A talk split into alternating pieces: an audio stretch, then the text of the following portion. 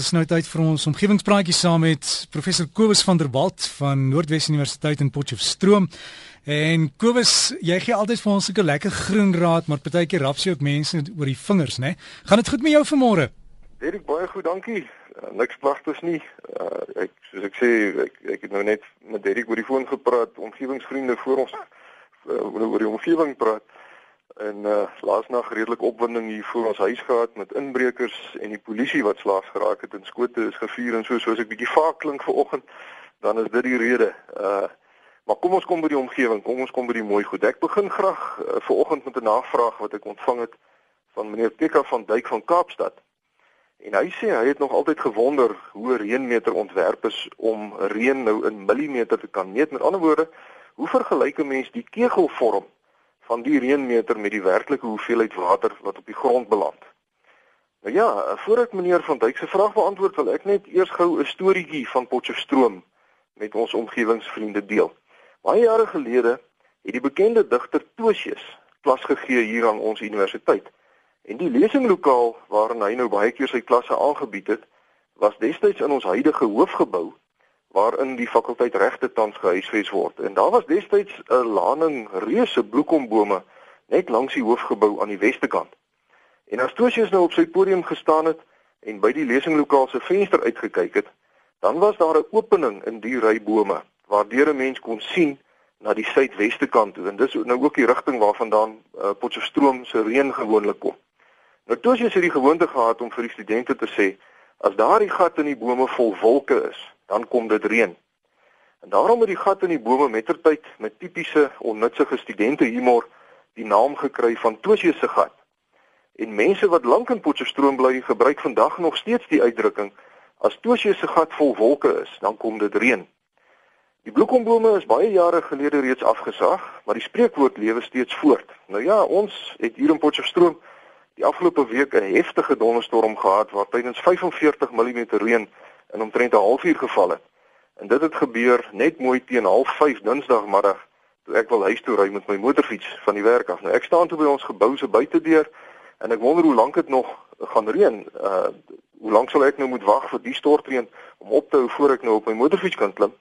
En toe ek na Tosie se gat kyk, toe sien ek daar's nog baie wolke. En ek besluit toe op die ingewing van die oomblik dat ek nou nie gaan wag nie. Ek is nou lus om by die huis te kom. En bydien, ek was skielik lus om 'n slag weer papsop nat te reën. Nou ek dink baie mense sal dit seker nie verstaan nie, Derrick, maar ek glo 'n mens moet voluit lewe. En soms met opset op die strand op die sand gaan lê. Jy kan die sand mos maar weer van jou lyf afwas of sonder 'n sonbril rustig in stortreën gaan stap en die heerlike vars yskoue water op jou kop voel val. Sommer net vir die lekker daarvan. Mens kan ons nou maar weer droog aantrek. Om pad na te reën het niemand nog ooit blywende skade aangedoen nie en dit was jy so warm vroeër die middag.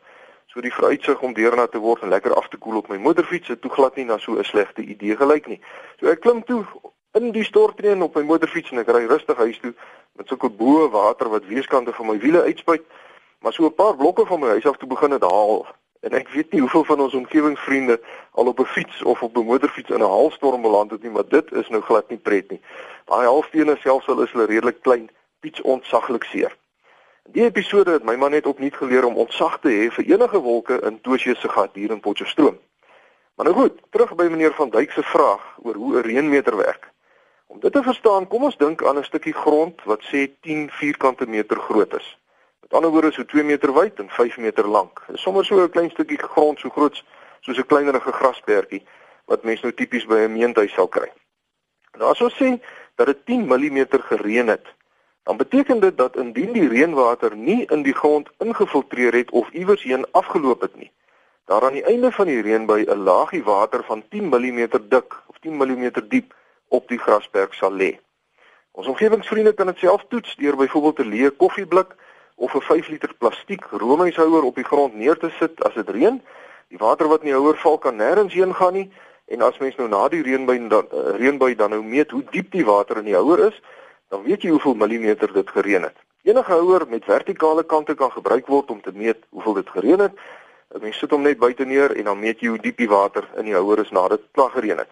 En 'n mens kan selfs jou swembad gebruik. As dit 50 mm gereën het, sal die watervlak in jou swembad met 50 mm styg.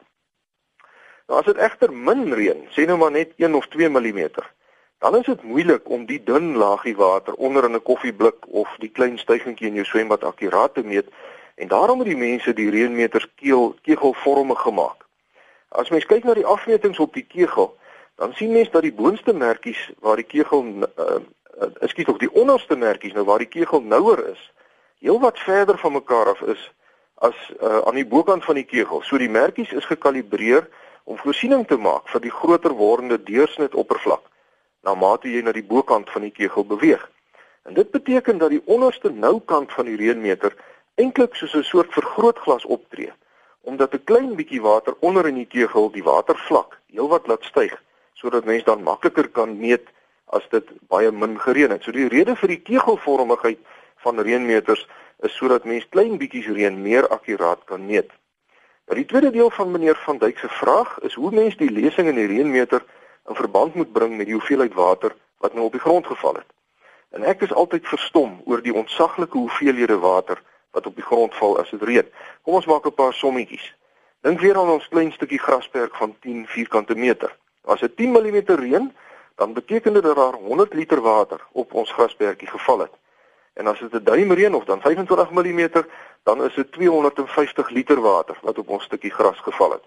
Nou, om dit in perspektief te plaas, as ons 'n duim water met 'n tuinslang op ons 10 vierkante meter grasperkie wil spuit, dan beteken dit dat ons die grasperk vir omtrent 45 minute lank sal moet nat spuit met 'n tipiese tuinslang wat ou nou hier in die stede of in die dorpe kry.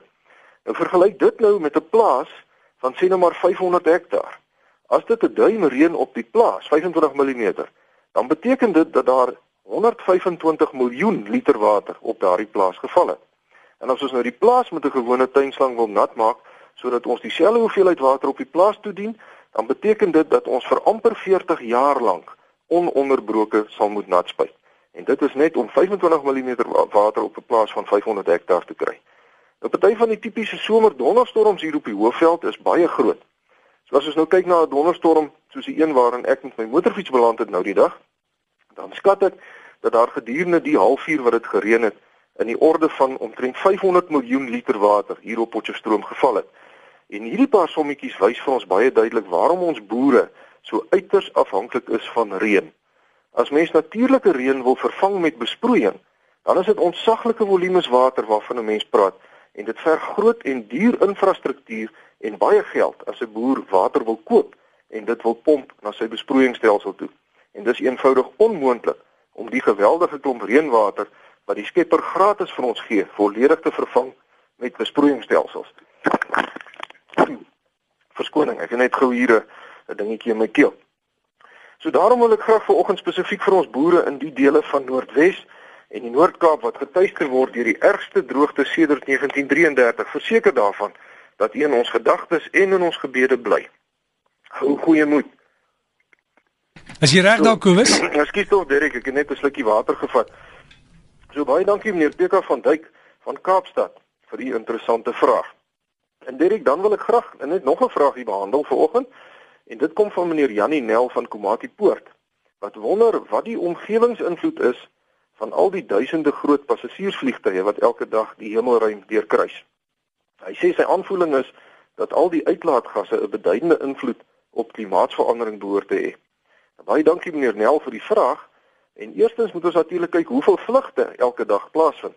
En volgens die internasionale burgerlugvaartorganisasie se jongste statistiek is daar elke dag 'n verstommende 85000 geskeduleerde vlugte op aarde. Wat beteken dat die lugvaartindustrie verantwoordelik is vir omtrent 3.5% van die menslike deel van klimaatsveranderingsfaktore en dis beduidend. Maar hier's daarom goeie nuus ook. Die vliegtuigmaatskappy Boeing het in samewerking met 'n bio-energie navorsingskonsortium in Abu Dhabi begin met eksperimente om te kyk of hulle op groot skaal biobrandstof vir vliegtye kan vervaardig uit soutbestande plante wat op ariede grond met seewater besproei word. Ja, dis plante wat mens met seewater kan nat maak. Nou hierdie plante word halofiete genoem en 'n Boeing 777 van die Etihad lugredery het verlede naweek 'n demonstrasievlug onderneem met biobrandstof wat op hierdie wyse vervaardig is en die vlug was 'n groot sukses. So hierdie halofiete kan geplant word in dele van die wêreld wat nie vir enige ander soort landbou gebruik kan word nie en die koolstofvoetspoor van hierdie vliegtuig biobrandstof is tussen 50 en 80% laer as die huidige konvensionele fossielbrandstowwe. En wat vir my nog meer verblydend is, is dat ons eie Suid-Afrikaanse lugdiens saam met Boeing werk aan hierdie inisiatief. En hulle het onlangs aangekondig dat ons eie vliegtuigbrandstof teen 2020 uit minstens 50% biobrandstof gaan bestaan. Ek hoop regtig dat hierdie navorsing gaan slaag, want as dit werk, gaan dit 'n reuse positiewe invloed hê op die koolstofbalans van die wêreld. Derek, daarmee moet ek afsluit vir oggend. Omgewingsvriende skryf gerus vir my by my rekenaaradres is kobus.vanderwalt@nwu.ac.za of ek is by die fakulteit Natuurwetenskappe Noordwes Universiteit, Potchefstroom 2520. Vriendelike groete tot 'n volgende keer. Dankie vir jou Kobus en sterkte daar met daai ding daar in die keel gaan kry maar nog 'n bietjie water. Is Kobus van der Walt daar en hy's professor by Noordwes Universiteit in Potchefstroom. As jy wil kontak maak, e-posadres Kobus met 'n K, dan punt en die van aan mekaar geskryf van der Walt. So dis kobus.vanderwalt by nwu.ac.za.